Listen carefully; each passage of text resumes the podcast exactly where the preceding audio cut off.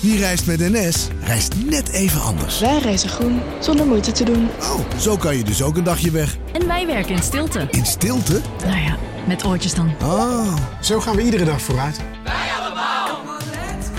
stap je ook in?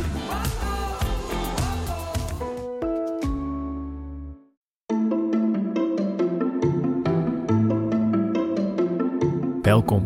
Wij zijn Onbehaarde Apen. Dit is een podcast van NRC over wetenschap.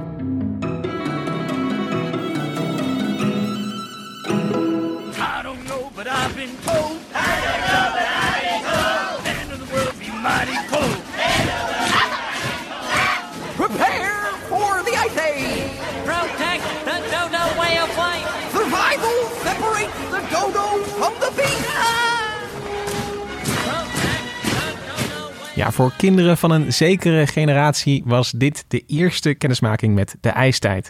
En dit is een fragment uit de animatiefilm Ice Age uit 2002 alweer, zag ik tot mijn schrik. En eh, de dieren in deze film maken zich klaar voor de oprukkende ijstijd. Ze moeten weg, eh, want ze moeten een, warme plek op deze aarde vinden. Een hele vermakelijke film met een eh, serieuze kwestie eronder, want ijstijden. Ja, het gaat de laatste tijd veel over eh, opwarming natuurlijk. Maar eh, de aarde is ook wel eens koeler geweest dan nu. En vandaag gaan we dieper inzoomen op die koude periodes. Wat zijn ijstijden? Hoe ontstaan ze?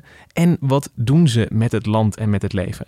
En daarvoor zitten vandaag aan tafel om dat te bespreken Gemma Venhuizen. Hallo Gemma. Hoi, ja, groot ijstijden-fan. Ja, jij bent zo'n groot ijstijd-fan dat je er zelfs een eh, boekje over hebt geschreven ooit. Ja, vooral over de ijstijden in Nederland, waar we het vast ook nog wel even over gaan hebben. Maar Zeker. inderdaad, ik heb me verdiept in alles wat met de ijstijd te maken heeft. Ja, en het, eh, eh, als aardwetenschapper van origine past daar de ijstijd daar ook heel goed in natuurlijk. Ik denk dat zelfs dat het voor eh, iemand die aardwetenschappen bestudeert in Nederland ongeveer het enige is waar je je mee bezig kan Nou, houden. dus wel altijd als mensen zeggen van ja, Nederland, dat is geologisch toch helemaal niks. Dan vertel ik wel altijd eh, van ja, maar hoe denk je dan dat we aan al dat relief komen? De Veluwe, de Utrechtse Heuvelrug. Ja, dat, is, dat kun je relief noemen natuurlijk. Ja, dat, is- nou ja, bergen niet helemaal, maar toch in ieder geval wallen of heuvels. Ja. En eh, aan tafel zit ook Marcel Aandebrug. Hoi. Hoi, klimaat- en milieuredacteur. Eh, ook de ijstijden vallen dan eh, onder jouw portefeuille. Precies.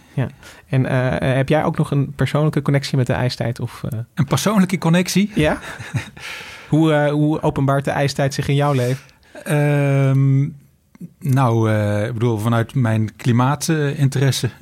dus proberen te begrijpen hoe het, het aardsysteem in elkaar zit. Ja, En je woont een beetje in uh, stuwwallengebied, toch? Ah, dat is het natuurlijk. Dat, dat, daar vroeg je naar. Ja. ik was aan het vissen. Nee, ik woon in Nijmegen en dat is inderdaad, daar heb je een, een stuwwal die daar eh, is ontstaan. Ja, de hardlopers die komen de ijstijd daar wel tegen als ze een, een rondje gaan lopen. Precies, de Zo kom je aan die sterke kuiten. Als, als je over klimaat schrijft, schrijf je natuurlijk vaak over opwarming tegenwoordig. Maar die ijstijden zijn inderdaad heel erg interessant om te snappen eh, hoe dat systeem aarde precies werkt. Eh, om te beginnen leek het me even goed om er even bij stil te staan. Wat is een ijstijd? Ik bedoel, hoe, hoe koud is er dan overal ijs? Hoe koud is het eh, in een ijstijd? Er zijn verschillende definities. Sommige mensen zeggen zelfs het is een ijstijd als er ijs op de Noordpool ligt. Dan zouden we nu ook in een ijstijd leven, maar dat is niet de, de wetenschappelijk gangbare theorie. En Dat is de warmste kant van, eh, van ijstijd, zoek je dan op als je, Ja, als je dat zou ja, volgen. maar als je het hebt over glaciale, zo noemen eh, geologen ijstijden vaak, dan is een definitie ehm, dat de wereldwijde temperatuur zo maximaal 10 graden Celsius was wereldwijd. Eh, Ben je daarmee eens, Marcel? Ja, daar ben ik het mee eens. En dan hebben we het over de gemiddelde temperatuur. De wereldgemiddelde temperatuur lag dan ongeveer 4 graden lager dan die, eh, dan die nu is. 4 tot 5 graden. Met, met wel wat verschillen. In het zuidelijk halfrond was, het, was de afkoeling iets minder. En vooral op het noordelijk halfrond. Omdat met name op het noordelijk halfrond waar veel continent ligt...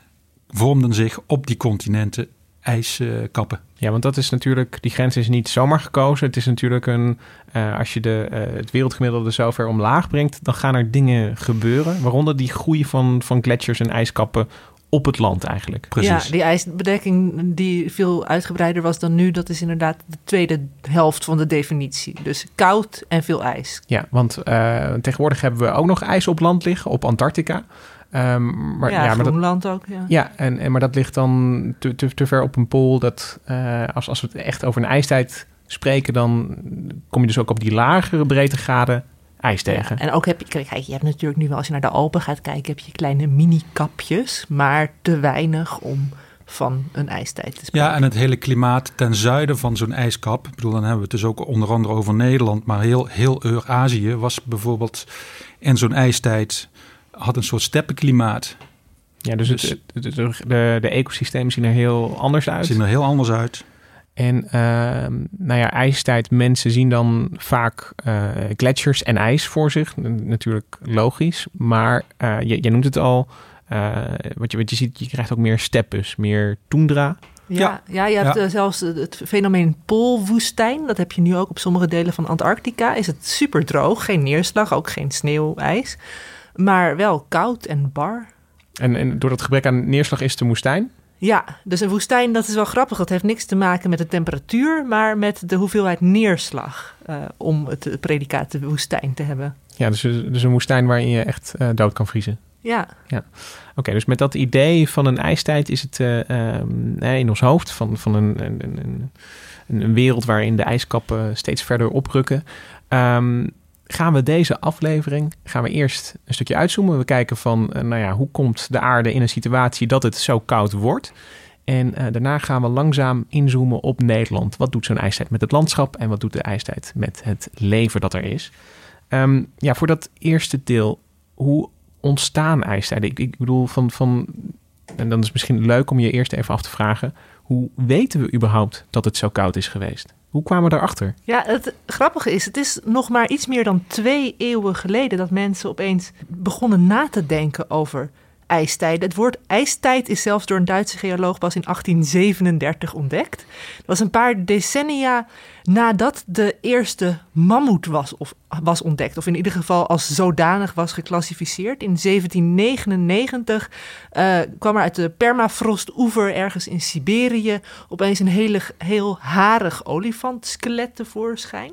Dus, dus echt, daar, daar eh, kwamen botten eh, kwamen naar boven, maar ook, je je zag er nog haren op zitten Ja, eigenlijk. met vacht en al. Later niet meer, want die expeditie die heeft dat skelet toen gewoon laten zitten. eh, terug naar de bewoonde wereld. Hey, we hebben een harige olifant ontdekt. Kwamen ze terug en toen hadden wolven en dergelijke zich al wel te goed gedaan aan delen van het bevroren of inmiddels ontdooide vlees. Dat is wel grappig dat dieren uit de ijstijd nog steeds Smakelijk. dieren kunnen voeden in de, in de huidige tijd. Ja, dat is toch nog wel na zijn dood nog eh, altijd eh, heel populair bij de, bij de rovers. Wie weet wat er nu nog allemaal ligt. Ja, nou ja, je hebt nu natuurlijk ook nog wel mammoetjagers. eh Ik kan me voorstellen dat het een duur stukje eh, vlees is als je dat nu zou serveren in ja, een en of het toprestaurant. nou zo lekker is, ja. Ja, goed doorbakken zou ik zeggen. Maar goed, een, een mammoet aan de oppervlakte. Ja, en eh, dat strookte toevallig met de Franse bioloog Georges Cuvier. Die had in die tijd ook theorieën dat er ooit dieren de aarde hadden bevolkt die eh, in die tijd niet meer leefden.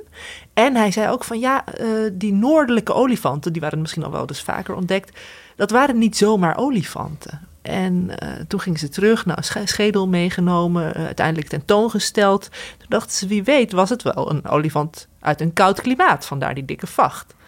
En dat strookte met iets wat rond 1818 ehm, gebeurde in Zwitserland. Daar waren diverse geologen onderzoek aan het doen aan een gletsjer met een, een ijsmeer daarvoor. En er, dat meer dat werd door een soort ijsdam tegengehouden. Als die dam zou doorbreken, zou die hele vallei onderlopen en alle huizen wegspoelen. Best een enge situatie. Ja, zeker. Ja, dus ze, ze waren daar aan het rondlopen. En een van die geologen die daarbij betrokken was, Louis Agassiz, die zag aan de wanden van de berg allemaal sporen die wel leek op de sporen direct langs hedendaagse gletsjers, maar veel hoger in de vallei, veel hoger langs de bergwand. En toen dacht hij, hé, hey, wat als het ijs vroeger nou veel groter was geweest? En hij kwam met een theorie die wel een beetje erg ver ging, maar dat was een hele monsterijskap die heel Europa zou hebben bedekt. En nou, hij kreeg overal navolging. Charles Lyell, dat was een beroemde geoloog, die eh, raakte overtuigd. Darwin ook.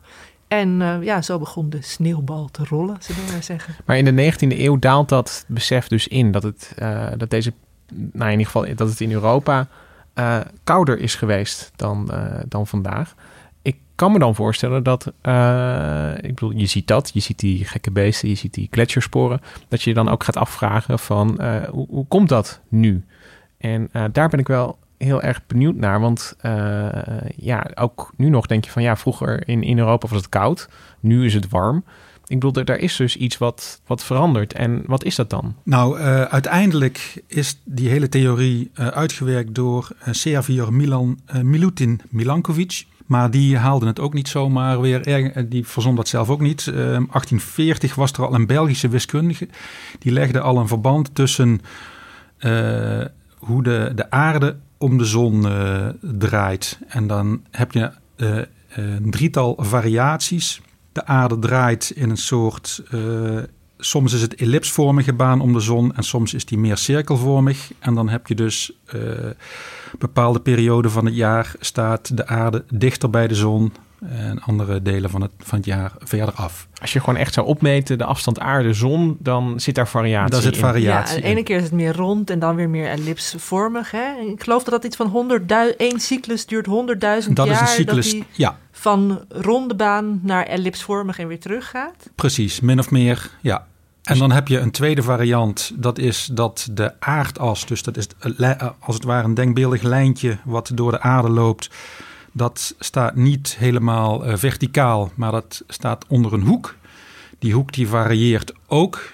Dus tussen de 21 en 24,5 graad, geloof ik. Ja, we zitten dus nu die... op 23,5. Uh. Ja. dat heb je vanochtend gecheckt in het, uh, ja, in het weerbericht. Ik, kijk, ik, ik voel elke ik voel dag aan mijn stand. Ja, maar dat is inderdaad, ja, uh, vergelijk het met een soort uh, stokje. ik, ik zie het altijd de aarde als een soort reuzentol met een stokje van de Noord naar de Zuidpool. En dat stokje, dat staat dus een beetje schuin. Staat als onder je, een hoek. Als je het vergelijkt met de, met de baan die we trekken. Ja, de... de... baan van de aarde ja. rond de zon. En, en, en die mate van schuinheid die heeft er dan mee te maken met, uh, op, op, is het op een schuinere uh, aarde kouder? Dat valt ook weer samen met die andere cyclus. Het heeft er vooral mee te maken wanneer um, de meeste zonneinstraling in de zomer is. Oké, okay, dus als je, ik kan me voorstellen dat als je de, de aarde een beetje kantelt, dat er dan, uh, ja, hoe schuiner die staat, dat er dan minder zonlicht uh, zou vallen op, op, de, op de polen, zou ik ja. zeggen. Ja, en Ja. dan ook nog, stel je voor dat je dan net het, het verste punt van die ellips bent. Als die twee cycli samenvallen, dan eh, heb je nog minder Hmm. zonlicht. Ja. En dan heb je ook nog een derde cyclus. Marcel, ja.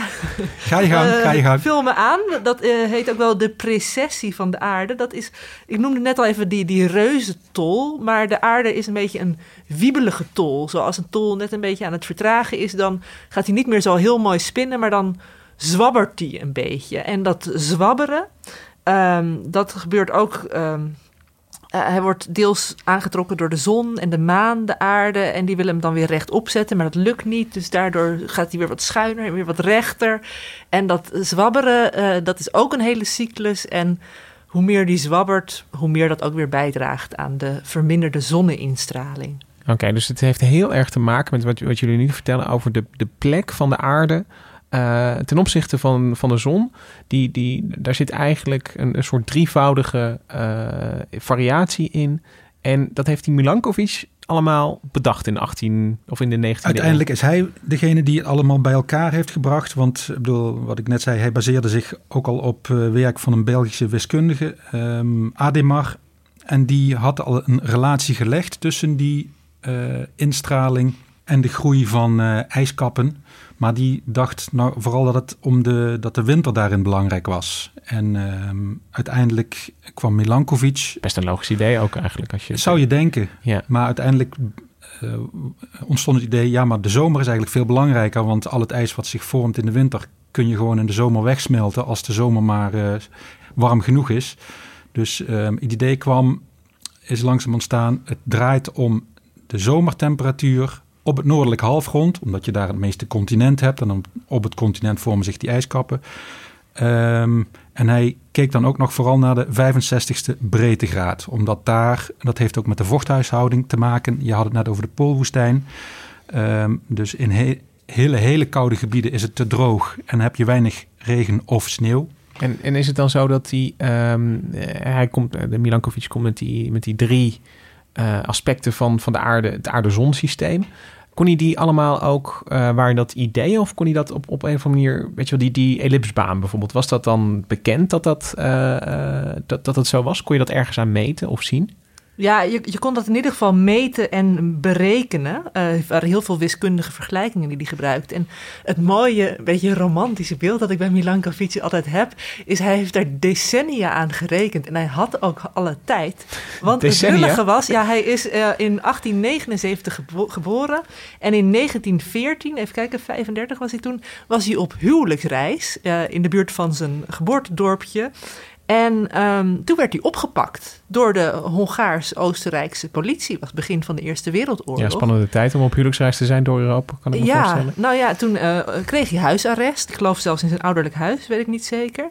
Eh, dus met alleen wat pen en papier en heel veel tijd kon hij toen een paar jaar ongestoord rekenen. Ik weet niet waar zijn kerstverse vrouw in die tijd eh, was. Nou, hij was gearresteerd, maar hij is vrijgepraat door zijn vrouw... die connecties had met een hoogleraar.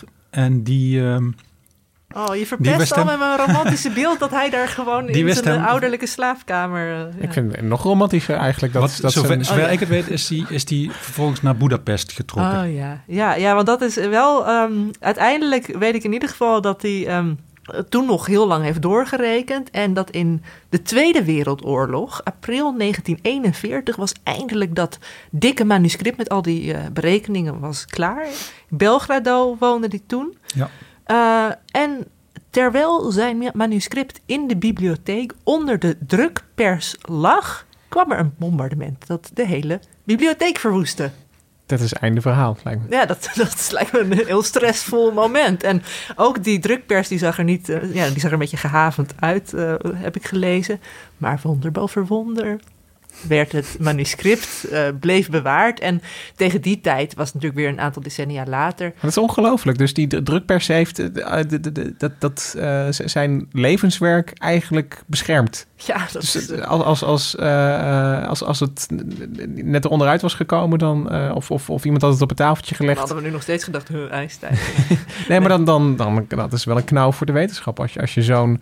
Eh, Ja, vergelijk het met dat je eh, een heel lang in een Word-document aan het schrijven bent en het vergeet op te slaan. Maar ja, dat daar ben je niet decennia in bezig, zoals Nee. hij. Ja, maar het is, het is ook ehm, eh, ja, die, die manier van werken, die, die herken ik van, van Darwin, die ook eindeloos aan zijn Origin of Species eh, aan het sleutelen en aan het pielen was en, en toch maar Ja. meer, meer rekenen. En dan uiteindelijk kom je met het hele verhaal. Ik bedoel, de wetenschap werkt nu heel anders. Weet je, je, als je nu iets interessants vindt, dan schrijf je daar een, een kort document over en wordt het gepubliceerd. Bedoel, het, is, het is niet meer zo dat mensen ineens met, met levenswerken ergens vandaan komen en Nee, Eh, want eh, als iemand anders je voor... Ik bedoel, nu heet het de Milankovic-cycli, die Ja, drie cycli. wel. Maar anders waren het misschien wel de, nou ja, ja. de Smit-cycli geworden. Maar eh, nog even, mag ik nog even aanvullen? Een paar maanden na dat bombardement, eh, er was dus dat ene manuscript. Eh, kwamen twee Duitse officieren bij eh, Milankovic, gewezen geologiestudenten. En eh,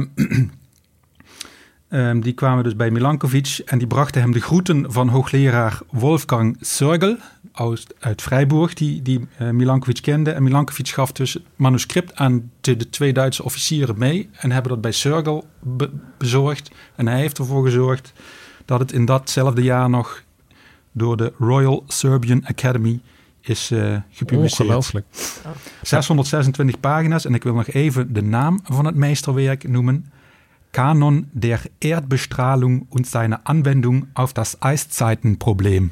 Zo'n lange titel zou je tegenwoordig ook niet meer mee aan moeten Maar, komen. maar in, eh, dat, dat wordt dus in oorlogsjaren gepubliceerd. Dus ik, Ja. eh, dus ik kan me voorstellen dat dat... eh, En in 69 vertaald in het Engels. Oh, kijk, hier, dat, dat, daar wilde ik naar vragen. Want ik kan me voorstellen dat het dan lang duurt voordat dat, eh, ja, voordat dat overgenomen wordt door, door collega's in het buitenland. En, Oké, maar in 69 wordt, wel, wordt het vertaald, dus dan wordt er ook wel ingezien van hier zit iets in. Dit Dat was overigens wel na zijn sterfdatum. Ja, hij eind jaren 50 eh, heeft hij het loodje gelegd. Oké. In 2004 is er nog wel in Servië een eh, postzegel eh, ter ere van zijn 125ste geboortedag eh nou, daar zou ik toch blij zijn. Maar, maar, maar die, die, die drie variaties in, in de aardstand, zeg maar, die heten nu eh, de, de, en, en hun invloed daarmee op het klimaat, dat, je net even, zeg maar die heten nu De Milankovic-cycli, ja. En Ja. die zijn een belangrijke factor in het ontstaan van ijstijden. Precies, maar, niet de.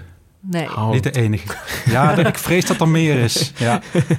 Nee, maar goed, ik bedoel dat, dat deze drie factoren geïdentificeerd werden, dat is, dat is al een, een overwinning voor de, voor de wetenschap, kan ik me voorstellen. Ik bedoel dat dat. eh, eh, want, want, want je bent. Nou ja, het, het knappe eraan vind ik is dat je die hele eh, lokale waarnemingen. Hè, dus dus, dus eh, wat zo'n gletsjer doet met, met gesteente, wat, die fossielen die je vindt. Eh, dat je dat helemaal eh, weet te vertalen naar iets wat zich in het zonnestelsel afspeelt. En, en dat, is, dat, is, eh, dat, dat is wel mooi dat je daar dat lijntje kan, kan trekken. Ja, je had het net over uitzoomen. Nou, dat is het verste wat je kunt uitzoomen eigenlijk op de ijstijd. Is helemaal vanuit het zonnestelsel naar zo'n ijstijd te kijken. Ja, maar goed, laten we, het, laten we de complexiteit een beetje opvoeren. De, dus, dus de aarde, ik, ik, ik vat het even samen als de aarde wiebelt en wobbelt zich een weg en dat beïnvloedt de temperatuur. En er is meer, zeggen jullie. Ja, want niet alleen de aarde is heel erg... Niet alleen de Want- aardbol, maar ook Nee. de, de, de continenten. Plaattectoniek. eh, het verschuiven van de, de continenten over de aardbol speelt een belangrijke rol. Ja, dus dat is het. eh, eh, ja, iedereen die aardrijkskunde heeft gehad op school, die weet eh, ooit lagen de continenten er anders bij. Zuid-Amerika en Afrika pasten mooi in elkaar als je naar, op de aardbol kijkt. En dat heeft dus ook weer zijn invloed op hoe koud en warm het kan worden, blijkbaar. Ja, want zo rond 40 miljoen jaar geleden kreeg Antarctica zijn huidige plek. 20 miljoen jaar geleden Groenland. En ehm, bijvoorbeeld het geïsoleerd komen te liggen van Antarctica... dat zorgde ervoor dat daar een hele koude, geïsoleerde oceaanstroming ook overheen kon... eh, omheen kon draaien. En, en wind, weet ik. En wind, waardoor Antarctica zo in zijn eentje losgerukt van de rest lag... dat het daar kouder en kouder kon worden. Ma- Mag ik daar iets over vertellen? Ja. Want, want ik stond, Jij bent er geweest. Ja, ik, ik, ik heb ooit voor NRC, ik, ik was echt eh, nog een broekie en ik mocht al naar de Zuidpool, naar de opening van een eh, eh, Nederlands lab daar. Ehm, maar we konden niet vertrekken vanwege de, de eh, straalstormen die rond Antarctica eh, waaien. Dus we zaten een paar dagen vast in Punta Arenas in eh, Chili. Ja. De piloot vond het te onveilig om te gaan vliegen. Maar ik, ik bedoel, wat ik, wat ik toen dus heel vervelend vond, daar ter plekke, is dus, ik, ik bedoel, de, de, de, de zee stroomt er heel stevig rond. Het, het waait er heel hard rond Antarctica. Het is echt een soort, ja, wind. Eh, de, Antarctica ligt in een soort eh, windzone. Ja, daar. en we hadden het net wel even over die poolwoestijn al en die droogte. Maar je hebt natuurlijk ook wel neerslag er, net zoals ook eh Noordpoolgebied. En als er eenmaal sneeuw en ijs ligt, dan gaat het daar ook niet zo snel meer weg. Want het blijft er koud. En witte oppervlakken, dat, die weerkaatsen, hebben we wel eens eerder over gehad. Het albedo-effect, die weerkaatsen zonlicht in plaats van dat ze absorberen. Dus als het eenmaal wit en koud is, blijft het ook best vaak wit en koud, toch Marcel? Eh, als er sneeuw ligt, ja, dan eh, dat weerkaatst zonlicht. Dus de aarde absorbeert eh, minder warmte. En dat, ja, de, de hele periode van ijstijden en tussenijstijden, dus de, de glacialen en de interglacialen, dat begint ongeveer 2,5 miljoen jaar geleden. En we zijn nu een stukje verder terug in de tijd gegaan. Want eigenlijk vanaf een jaar of 50 miljoen geleden begint de aarde gewoon gestaag af te koelen. Steeds verder en verder. En eh, de aarde is 2,5 miljoen jaar geleden ongeveer zo ver afgekoeld dat je dus die ijskappen eh, gaat, die ijskapvorming op het noordelijk halfrond ziet verschijnen. Want dit is wel even goed om bij stil te staan. Want als ik aan eh, ijstijd denk, dan denk ik aan die film Ice Age en Mammoeten. Dat, en, maar dat is, dat is één ijstijd. Dat is de laatste ijstijd Ja. geweest. Maar we hebben dus een hele reeks achter de rug. Vanaf 2,5 miljoen jaar geleden iets van 40, 40 keer. dacht ik. Ja, ik, ik weet nooit precies. Ze twijfelen zelf Tientallen. ook nog wel eens. Eh, voor sommigen zeggen 14, misschien zeggen anderen eh, 40. Maar in ieder geval de afwisseling van koude en warme perioden. Eh, en ehm, dan kun je het onderscheid maken tussen de glaciale en de interglaciale. Maar goed, nou, als het 40 ik weet zijn, in ieder zijn... geval de laatste 800.000 jaar, want er is, daar is een aantal jaar geleden een heel groot eh, review-artikel over verschenen. De laatste 800.000 jaar zijn er 11 Oh ja, daar ben ik interglaciale de war. geweest. Ja, oké. Ja, dus ik dacht inderdaad de laatste 800... Ja, dus dan zullen het er 40 in die, het hele Pleistocene, hè, dat, dat tijdvak eh, vanaf 2,5 miljoen jaar Ja. geleden tot 10.000 jaar geleden. En daarvoor dus, vanaf 50 miljoen jaar geleden, we hadden net ehm, een hele warme periode gehad. Want toen stonden er eh, eh, palmbomen op de Noordpool en er- daar zwommen krokodillen rond. Ehm, vanaf dat moment is de aarde beetje bij beetje, met, ook met wisselingen, maar steeds verder gaan afkoelen. En daar, wat jij net vertelde over Antarctica, dus die veranderende golfstroom zou daar een rol bij kunnen hebben gespeeld. Eh, de sluiting van wat, ze, wat heet de Central American Seaway, dus tussen Noord- en Zuid-Amerika, zou daar ook een rol bij kunnen hebben gespeeld. Maar ook zijn de ideeën de vorming van de Himalaya en dat zich daar ook een heel ijspakket opvormt, wat meer, dus meer zonlicht weerspiegelt. En, en ook de verwering, de verwering die daardoor eh, extra optreedt. Want je krijgt een enorme gebergte en dat, daardoor slijt allemaal gesteente af. En afslijtend gesteente legt CO2 vast. Nou, dan haal je dus meer broeikasgas uit de lucht, wordt het ook kouder. Dus dat zijn allemaal ideeën van hoe vanaf 50 miljoen jaar geleden die aarde steeds kouder en kouder en kouder is geweest. Totdat er 2,5 miljoen jaar geleden dat het zo koud was dat zich die ijskappen konden beginnen te vormen. Maar dat is iets van de afgelopen 2,5 miljoen jaar. Ja, die, die, die afwisseling. dat en oprukkende ijs. Ja, en- en dat je die Milankovic-cycli dan echt duidelijk Ja. in die, ook in die ijstijden en tussenijstijden ziet. Want in eerste instantie waren de ijstijdcycli ongeveer 40.000 jaar. Nou, dat past heel mooi bij die, bij die wiebel. bij die wiebel of bij de, bij de, ik zal maar zeggen, de, de stand van de aardas, de tilt, zoals ze dat noemen. Lijkt Het- een flipperkast. Het, ra- het rare is, ongeveer een miljoen jaar geleden veranderde die ijstijdencyclus in ongeveer 100.000 jaar. En daar zijn ook alweer allerlei ideeën over, maar wat daar precies de oorzaak van is geweest. Maar even, even samenvattend is het dus zo dat de, eh, gewoon de puzzel van continenten ligt nu op een zo'n manier dat het ijstijden bevordert. Je hebt dan die natuurlijke variatie die van alle tijden is, kan ik me voorstellen. Die tilt en die, en die wiebel.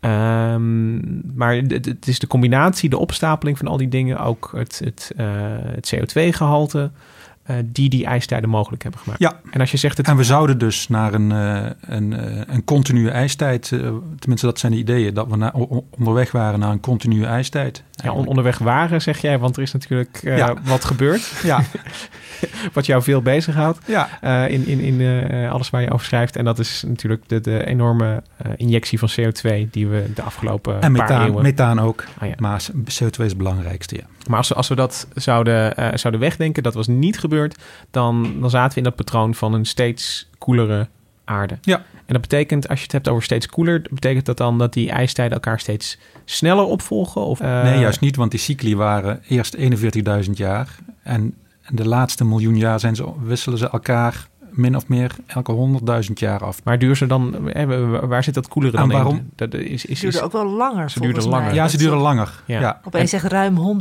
100.000 jaar gingen duren ook. Want eh, als ik de twee laatste ijstijden vergelijk, je had, of de drie zelfs. Je had, eh, in Nederland had je de Elster-ijstijd, is niet helemaal duidelijk te zeggen, maar ze schatten zo 475.000 tot 410.000 jaar geleden. Eh, dit weten ze allemaal onder andere door, door ijskernen en zo wereldwijd. Hè. Ehm, eh, daarna had je de Salen-ijstijd. Die begon zo rond 375.000 tot 130.000 jaar geleden. En dan had je de Weichsel-ijstijd. Die begon al 115.000 jaar geleden Hmm. tot ehm 10.000 jaar geleden. eh, Nou, 11.000 jaar geleden. Dus ik zit een beetje te denken met die, met die snelheid. of ze niet bedoelen met die 100.000 jaar. Weet ik niet wat jij denkt, Marcel. Maar dat, dat, ze, ehm, dat ze vooral 100.000 jaar duurden. Maar qua, qua tijd zie, zie ik dus tussen Zalen en Weichsel maar een heel korte sprong eigenlijk. Eh, ja, maar volgens mij, jij noemde die 375. En volgens mij zijn er ook weer ideeën dat er misschien toch nog een extra ijstijd daar is geweest. Met een, ja. Die- Oh ja, die- dat, dat, dat- dan zijn mijn college-aantekeningen uit het begin 2000 misschien alweer te veel achter. Dit is de informatie die ik meekreeg tijdens maar ze, ze- ik bedoel, die 100.000 jaar, de duur is natuurlijk min of meer. Want wat we al zeiden, het hangt niet eh, 100% af van die Milankovic-cycli. De, de aarde heeft ook eh, haar eigen nukken en grillen. Ja, en, en Ja. Je, we gingen dus naar een situatie toe dat die, dat die... Zou je dan kunnen voorstellen dat, eh, de- dat die, als die warme intervallen zeg maar zeldzamer of in ieder geval korter worden, dat, dat je in een soort permanente eh, ijstijd terecht zou komen als, als aarde gezien? Is dat, was dat een realistisch idee? Ja, want dat, hadden we, dat hebben we al eerder gehad, wel onder totaal andere omstandigheden. En de, de continenten lagen toen heel anders. Maar Ja, één gigantische sneeuwbal. Dus de sneeuwbal. Sneeuwbal aarde, ja. Snowball Earth. Ja, en, en dat was dus een, een eh, nou ja, weet je, van als we de- dit nog door hadden laten gaan, eh, onbekommerd, dan, dan was die, eh, ja, die, die permanente ijstijd misschien Ja, maar nu klinkt het wel heel van... Nou, gelukkig hebben we Nee. verwarming. Ja, nee.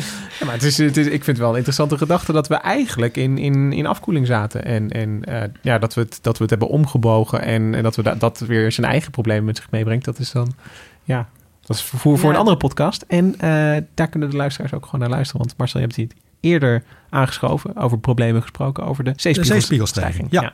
Van de regen in de drup. Oh nee, van de sneeuw in de regen. In de modder. Dus het is geen, eh, er zit geen waardeoordeel aan, maar het, het- ik bedoel, ik vind het wel een interessant idee in ieder geval dat, het, eh, dat we op zo'n koudere Ja. aarde afstevenden. Maar goed, jij noemde net al Gemma, die drie ijstijden die we in Nederland hebben gehad. En dat is misschien een mooi moment om ehm, even stil te gaan staan bij wat zo'n ijstijd allemaal heeft gedaan met het landschap en het land hier om ons heen in Nederland.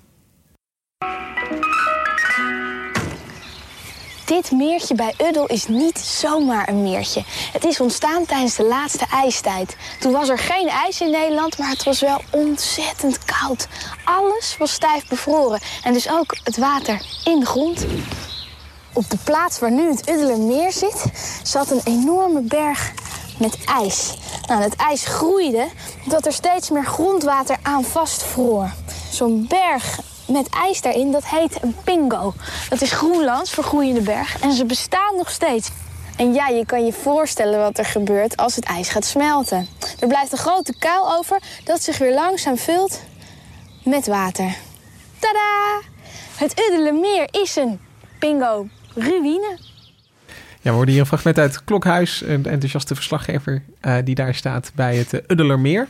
Een Ja. ijstijdoverblijfsel. Een van de bekendste pingo-ruïnes van Nederland. Want we hebben er wel tientallen. Ja. Ja, ik, ik- een pingo. Het, het is een woord dat ik nog niet kende. Bingo. Nee, maar het, het heeft al een, een heel arctisch eh, gevoel eh, erbij. Maar dat zijn dus heel concreet. Er, er zijn dus een tiental meren in Nederland die je kunt aanwijzen en Ja, zeggen van... tientallen echt hoor. Tientallen, Ja. oké. En Waarvan ik kan zeggen, die, die hebben we aan de ijstijd te danken. Ja, het is, eh, je herkent ze vaak als eh, ronde meertjes. ehm, en soms met een soort lage aardewal eromheen. Want ze zijn net al een pingo. Dat is eigenlijk een heuvel met een kern van ijs. Ik heb ze ook eh, in, hoe zeg je dat? Volledige staat gezien op Spitsbergen bijvoorbeeld. Een paar tientallen meters hoog. En als het ijs aan de binnenkant begint te smelten, dan stort de aarde in. En dan blijft er een beetje een ringwal van sediment over. En daaronder een gat dat zich opvult met sediment, ook met pollen. Ze gebruiken het vaak om stijfmeelkorrels eh, Oh. te bestuderen. En met water. Met water of met veen. Ik bedoel, er zijn ook gaten die hebben zich met veen gevuld. Maar dat veen dat is dan later weer afgegraven. En dan kon er alsnog water in komen. En dus als je die, eh, ehm, die meertjes ziet, is, ik bedoel, die meertjes zelf, die, die, ehm, nou ja, die waren er niet in de ijstijd, maar ze zijn juist in de, in de, in de opwarming daarna eigenlijk meertjes geworden. Ja, precies. Anders dan hadden we nu nog allemaal bevroren heuvels in Nederland als het Ja. nog steeds koud was. Ja, en jij zei al aan, aan het begin al, Gemma, dat we al het relief in Nederland eigenlijk te danken hebben aan eh, de ijstijd. Dus als ik het even in mijn eh, hoofd afga, we hebben de Utrechtse heuvel, heuvelrug eh, bijvoorbeeld.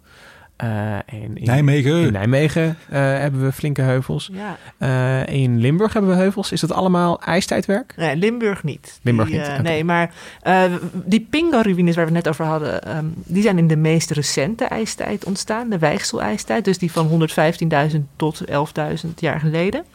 Ehm, maar die stuwwallen, die zijn in de ijstijd daarvoor ontstaan. En toen kwam het ijs wel degelijk tot Nederland. Dus tot de lijn Haarlem-Utrecht-Nijmegen. Vanuit het noorden, vanuit Scandinavië kwamen er grote gletsjertongen. Dus uitlopers van een enorme kilometers dikke ijskap op Scandinavië. Kwamen toch nog steeds honderden meters dikke ijslobben kwamen naar Noord-Nederland toe. Dat was in de Salen-ijstijd. Ik probeer het me even te voorstellen. Je zegt een pakket van honderden meters dik. Dat is echt gigantisch. Ja, dat is gigantisch, ja. En het is, ehm, moet, moet ik me dat, ehm, eh, ja, als je, er, als je ernaar kijkt, is, is dat dan een muur van ijs? Of, of, of moet ik me, me meer een soort, als mijn eh, ijs op, het, eh, op, op een eh, bordje smelt, dan, dan, dan krijgt het een soort, weet je wel, dat, dat stroomt een beetje langzaam uit. En dat, dat wordt dus platter naar het einde toe. Moet ik me dat meer voorstellen? Dat je een soort afgeplatte smelt. Het stroomde ook. Het ja. stroomde. Ja. Ijs dat stroomde. Dat moet je ook eventjes... Nou, die eh, pakketten, die bedoel, die pakketten die, eh, die groeiden wel, maar onder het gewicht, onder dat enorme ge- gewicht, eh, zakte die, zakte die, eh, die gletsjer ook uit. Ja, de, en die ijslobben die werden dus inderdaad dunner naar het eind toe. Maar ze groeven zich ook deels in de bodem in. Want die Nederlandse bodem is natuurlijk niet rotsvast. Het was toen ook al één grote is sediment. sedimentdrap. Eh, dus dat ijs onder het gewicht eh, werd de bodem rondom die lobben, die ijstongen eigenlijk, werd omhoog gestuwd. Dat zijn wat je nu als stuwwallen ziet. Dus de Veluwe, Utrechtse Heuvelrug, ook in Overijssel heb je heel veel van die stuwwallen. Eh, tot wel volgens mij, nou ja, 85 meter hoog in ieder geval. Misschien Mhm. wel 100 ergens. Ja. En dat is echt opgeduwd sediment eigenlijk, moet ik me voorstellen. Ja, ehm, bedoel, je hebt allerlei effecten. Die, dus die, die ijs, die gletsjertongen, die legden zich over eh, grote delen van Noord-Nederland. Nou, onder het gewicht, ze hadden al een heleboel materiaal uit Scandinavië meegenomen. Dus ik bedoel, je vindt ook gewoon Zweedse, Zweedse stenen in, eh, in Nederland. Zweedse zwerfkeien. Ja, die zwerfkeien, die zijn toen inderdaad allemaal meegekomen. En ehm, onder het gewicht van die gletsjertongen is eh, bijvoorbeeld grote delen van Noord-Nederland zijn heel erg ingedrukt. Ehm, dus je krijgt daar wat ze noemen keileem. Dus dat is een soort dik pakket ehm, van een soort, wat is het, leemachtig materiaal, maar met heel veel van die grote keien.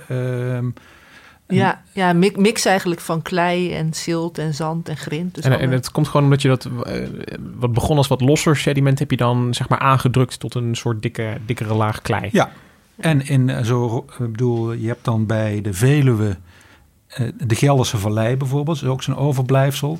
Dat is dan weer een heel erg uitgesleten stuk. Nou, en, en aan de randen daarvan krijg je die stuwwallen. Ja, ja dat, is, dat is inderdaad de glaciale bekkens en de stuwwallen, die gaan vaak ha- hand precies. in hand. Ja.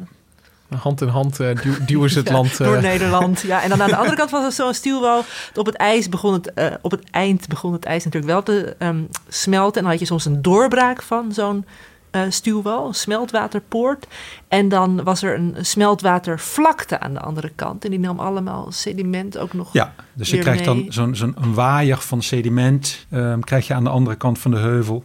Omdat er een, echt een hele grote, grote hoeveelheid water ineens eh, over het land stroomt. Ja, maar dat is leuk, joh. Er is, Ja. Mag ik mijn lievelings... Ja, de Pingo-ruïne is een van mijn lievelings. Maar je hebt ook de Esker. We hebben één Esker in Nederland nog. Wat is een esker? Eh, dat is eh, in die Salen-ijstijd, waarin dus die stuwwallen, glaciale bekkens, smeltwatervlaktes ontstonden, had je ook wel eens rivieren onder het ijs. Gewoon zelfs, dat zie je nu ook, als er gletsjers zijn, heb je nog, nog eh, onder gla- subglaciale rivieren. Die namen ook sediment mee. En naarmate de ijslobben steeds verder gingen smelten, kwam er steeds meer sediment in die onder ijsrivieren terecht. En on- ontstond er een soort omkering van het landschap. Dus de ijstong was weg, maar die holle rivier die je eerst in de glacier had, die was opeens opgevuld met sediment, waardoor je een soort kronkelende slang van eh, allemaal eh, zand en grind op het landschap had liggen. En dat zie je nu nog bij Overijssel. Bij Wat? En dan, en dan zie je dus eigenlijk een, een soort strook eh, van, van grind. eh, ja, die een beetje achter- kronkelt en slingert. Ja, deze die bij Langeveen heb ik zelf nooit ge- ja, gezien of niet bewust. Hij is niet super mooi, maar als je naar Scandinavië gaat, dan heb je af en toe. Ja, ik vind dat heel leuk. Maar het, het, het zijn dus echt. eh, ehm, ik, ik zei het aan, aan aan het begin van. van ja, een ijstijd is niet alles ijs, maar het ijs is hier wel echt geweest. En daar, daar zien we dus overal de, de sporen van. Ja, de, de, dus de, inderdaad, die ene laatste, dat, dat, toen is het ijs het verst gekomen. Maar de ijstijd daarvoor, Ja, de Elster Ook- ijstijd. ook in, Ne- maar dan iets hoger. Ja. Het heeft Ja. het noorden van Nederland aangeraakt. Ja, maar ja, doordat daarna weer dat ijs met veel geweld er tijdens de Sala-ijstijd overheen kwam, is dat een beetje weggevaagd. En, en, en het is vrij zeker dat we te maken hebben gehad met Scandinavisch ijs. En niet ijs, ik noem maar wat, vanuit de Alpen of zo. Nee, dan zou Nee. Limburg, weet je, dan zou je ook, eh, weet ik veel, in, eh, eh, dan zou je op heel andere plekken ijs verwachten. En Ja. ze hebben ook, Dat kun je niet in Nederland zien, maar ze hebben op verschillende manieren de stroomrichting achterhaald. In Scandinavië kun je dat ook zien aan gletsjerkrassen. Want als er kleine steentjes in het ijs zitten en dat ijs dat uh, glijdt over rotsen in de ondergrond, dan krassen die kleine steentjes in het ijs, die krassen over de, de, de rotsen daaronder. Dan heb je allemaal parallelle strepen. En dan kun je ook weer daaruit de, de richting van het ijs aflezen. Ja, dan, dan kan het nog maar twee kanten zijn opgegraven. Ja, en dan is het meestal bergafwaarts, kan ik me voorstellen. Ja, dat dan ja zwaartekracht speelt ook een rol. Ja. ja. En het leuke is ook nog wel de, de glaciale wip. Um, weet, je, weet jij dat, Marcel, hoeveel Nederland nog omhoog komt als gevolg van de... Sorry, die, uh, dat antwoord moet ik schuldig blijven. volgens mij een paar, paar um, millimeter per jaar, of misschien een centimeter in eeuw. Maar we hadden het net over dat soms wel kilometers dikke ijspakket in Scandinavië. Uh, de bodem werd daar door dat ijs naar beneden gedrukt. En daardoor kwam Nederland destijds een beetje omhoog. En sinds het einde van de ijstijd komt Scandinavië nog altijd omhoog. Volgens mij is het op sommige plekken echt honderden meters uh, weer omhoog geveerd. En Nederland daalt nog altijd een beetje, omdat we aan elkaar vastzitten. Qua... Het waterbedeffect. Ja. Ongelooflijk, maar het is, het is dus echt doordat je dat hele ijspakket uh, uh, weghaalt, dan dat, dat terugveren. Ik bedoel, als je, als je als je zelf op een wip zit, gaat het heel snel. Maar dit, dit, dit speelt zich dus af over duizenden jaren. Dat, uh, dat Scandinavië nog steeds aan het terugveren is. Ja. Ja, het was in het begin ging het sneller dan nu. En het, is, het, het dempt een beetje uit. Maar het is toch wel... Uh...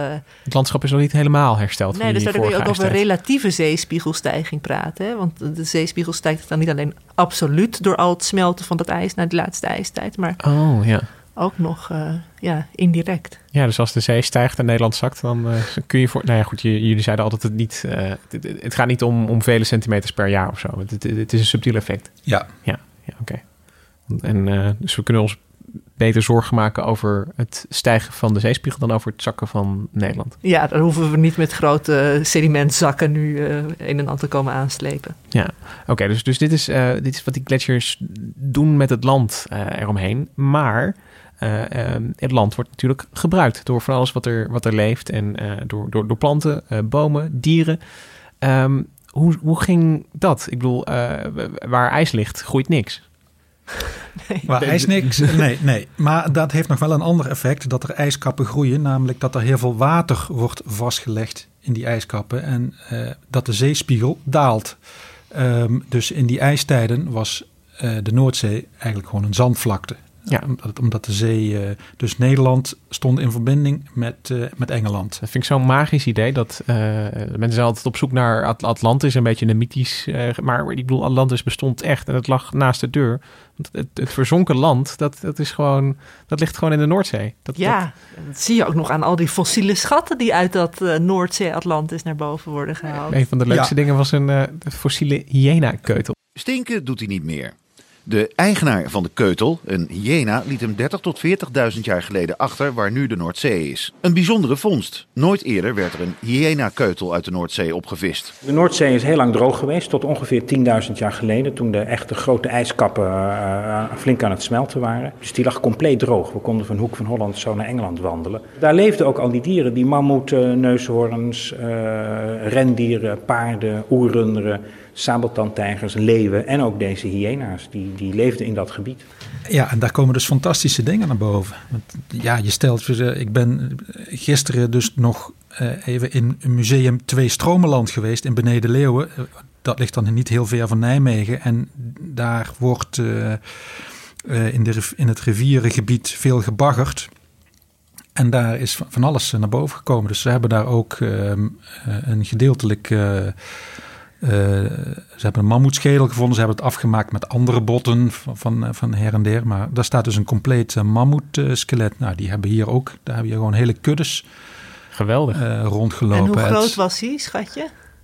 Um, ik schatte de bovenkant uh, 3,5 meter ongeveer. Nou, dus ik was, wel, ik was wel, uh, ik voelde me wel klein worden. Ja. ja. En stond er ook bij of het een steppenmammoet of een wolharige mammoet? Want je had nog verschillende uh, soorten. Steppen volgens mij. Oh ja, die ja. waren iets groter. En die wolharige die werden naar het eind van de ijstijd toe steeds gedrongener en uh, langer haar. Een beetje een compact model mammoet. Want het werd ook steeds kouder eigenlijk. Hè? Dus het achterhoofd houden dat die aarde steeds kouder werd.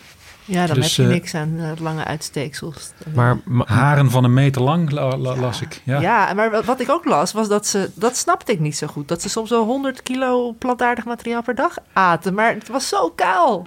Je had wel artemisia, bijvoed. Je had wel wat grassen en zo. Nou, maar bedoel, tijdens zo'n ijstijd was het natuurlijk varieerd. Ik bedoel, het was niet alleen maar continu een poolwoestijn, maar het varieerde ook heel erg. Je had ook in zo'n ijstijd toch wel iets warmere periodes, ook zeker in de zomer. Ik bedoel, in de zomer eh, was het, stond hier toch wel eh, wat gras, Ja. grassen en kruiden. Ja, was het op Ehm, sommige plekken wat natter neer natuurlijk ook Ja. dan op andere. Ja. Dus anders zouden ze, als er niks te eten is, dan komen ze hier niet naartoe, lijkt mij. Nee, nee zelfs volgens mij eh, is dat nu een, een zandbank in de Noordzee, de Bruine Bank, waar ze dan destijds juist eh, veel bij elkaar kwamen om te drinken en zo. En dat was dan voor de mammoeten en de wolharige neushoorns een prettige plek, maar ook voor hun, hun vijanden. Hun vijanden, Maar, ja, eh, precies. als, als ik dat zo, ik, ik bedoel, en vijanden dan, en iedereen die Ice Age heeft gezien weet, sabeltandtijgers. De En, voorouder van onze huiskat is dat. Nee. Eh, Een verre voorouder. Oh, hij is, eh, een hij- verre verwant, ja. Ja, nou, verre, ver- dichterbij verwant aan de huiskat dan aan de tijger. Maar je had ook een, een grot, ik bedoel, eh, de grottenleeuw, ehm de hyena's dus inderdaad, ook aangepast aan het kou- koudere weer. Maar het klinkt een beetje als, eh, als Afrika, als de savanne, ja. eh, de Lion King. Ja, nou ja. Al die dieren die nu voorbij komen. Ja. Die hadden eigenlijk allemaal hun, hun noordelijke variant. Ja, Ja, dus ik, ik, ik reed eh, gisteren dus naar, eh, op weg naar het museum en probeerde me dat voor te stellen. Je ziet nu overal boerderijtjes met weilanden, maar het is Maar gewoon echt fantastisch als je probeert voor te stellen dat daar dan in van die enorme kuddes van die eh behaarde olifanten en ik bedoel de wolharige de neushoorn. neushoorn. Ja. En ja, de steppenwiesent, wat wel leuk is. Want daar hebben we een soort variatie hebben we nu weer in de vorm van de gewone wiesent in de duinen rondlopen. Dus Maar- ik beeld me ook wel eens in dat dat nog een beetje een ijstijdlandschap is. Zo. Maar in warme, warmere periodes ook weer gewoon eh eh, nijlpaarden bijvoorbeeld. Of- Ja, ja, dat was echt de hele afwisseling met die, met die interglacialen. En dan weer steeds die glacialen eroverheen. Maar Maar, maar in, in ijstijden, hè, dus, dus in, in tijden waarin het ijs flink was opgerukt, dan, dan ik bedoel, het was geen dorre vlakte, eh, niet altijd in ieder geval. Soms wel. Ik bedoel, dan had je weer ik bedoel, ook eh, eh, poolvos en sneeuwuil. Bedoel,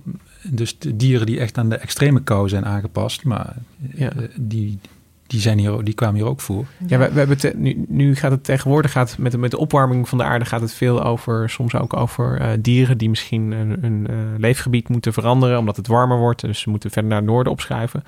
Ehm, maar dat speelt in, in deze tijden ook voortdurend. Je ziet eigenlijk de hele tijd die, ehm, nou ja, die, die typische dieren die we nu kennen van eh, Scandinavië en Siberië, polvos en dat soort beesten. Die, die, die komen dus naar het zuiden in tijden van koude en die gaan weer Ja, die grenzen die eh, bewegen, ja. die zijn de hele tijd eh, aan het schuiven. Ja.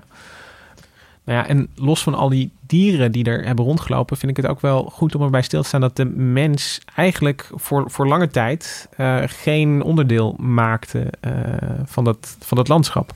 Want eh, als, het, als het gaat over hè, van, van, van wanneer komen de mensen hier, dat, dat is pas ehm, in, en dat, kunnen jullie beter zeggen hoor, maar volgens mij in de laatste ijstijd, 12.000, 13.000, 14.000 jaar geleden, krijg je voor het eerst dat, eh, dat, dat hier mensen zijn. En dat zijn dan ook jagers van eh, ja, die, die, die typische ijstijddieren, zoals eh, rendieren. De rendierjagers kwamen hier. En dan zijn er twee perioden. Ja, ik, ik vind het een beetje eng met, met mensen die zoveel van aardwetenschappen afweten. Maar het bulling en het allerut. En dat zijn dan een soort warme blipjes. In, Ja. eh, blipjes, dat is ook precies de goede. Ja, kor- korte, warme oplevingen in de ijstijd. Of kort, ja, volgens mij duurden ze, wat is het, honderden of een paar, paar honderd of misschien duizend jaar. Ja, en, en dan zie je dus, eh, als het ietsje warmer wordt, dan, dan laten de mensen zich hier ook zien. En dan kennen we die sporen ook wel. En dan krijg je dus eerst in dat, eh, in dat bulling echt de, de rendierjagers. En eh, in het allerut krijg je dan, ja, dan, dan wordt het iets bossiger hier. En dan heb je wat minder rendieren en wat meer edelherten en eh, elanden die hier eh, verschijnen. En da- daar hoort dan ook weer een andere cultuur van jagers-verzamelaars bij. En dat waren er dus heel weinig. In, een, in het hele mooie boek Onze vroegste voorouders van Leonard Lauwe Kooijmans. Die heeft dat een, ja, een keertje uitgerekend. En die heeft het dan over 150 tot 1500 uh, mensen op het ja, huidige grondgebied van, van Nederland. Dus maar niet permanent, gewoon die af en toe. Ja, de, de, de, het, het zijn hele mobiele, uh, ik bedoel, hele mobiele mensen. Je moet achter de dieren aan. Dus als, als die rendieren die, die trekken en, en, en ja, daar ben je dan van afhankelijk. Dus uh, ik kan, ja, ik, er zit natuurlijk een soort seizoenspatroon in. Dus, dus als mensen, ja, moet je daar, uh, moet je er achteraan. Achteraan hobbelen. Ja, dus, dus in, de, in de zomer was het hier misschien drukker dan in de winter. Uh, dan, dan, trok de, in de winter trok de mensen zich misschien ook terug verder naar het zuiden. Of, uh, ja. en, maar het is, het is je mooi om voor te stellen wat voor... Ja. Ja, het, dus het, de, er waren dieren, maar dat waren dus... En ja, dat was echt genoeg om een, een, een, een heel klein dorpje mee te voeden in ieder geval. ja, dat, is, dat maakt je ook wel weer nederig als je ziet wat voor aantallen mensen die nu wonen... Ja, en hoe we het, hoe we het landschap bedwongen hebben. En het is eigenlijk niet zo uh, lang geleden, toch? Als ik met uh, on onder geologen vinden we de ijstijd. Uh... Is het gisteren? ja. een, een, blipje geleden is dat? Precies, een blipje geleden was het hier ontzettend koud. dank jullie wel allebei dat jullie de ijstijd weer een beetje tot leven hebben helpen wekken. Uh, Micha Melinda ook heel erg bedankt voor de productie van deze aflevering. En jij, luisteraar, ook bedankt. En ben je nou heel erg fan van onbehaarde hapen, dan hebben we een leuk nieuwtje. Uh, op 6 mei, s'avonds, hebben we in Utrecht een live uitzending. Dat betekent dat we niet live uitzenden, want zo werken podcasts niet. Maar we nemen hem dan op in Theater Kikker. En daar kan je bij zijn. Je kunt kaartjes kopen als je gaat naar nrc.nl slash theaterkikker. Dan kun je voor het kleine bedrag van 5 euro kun je erbij zijn. het aantal plaatsen is beperkt, dus wees er snel bij.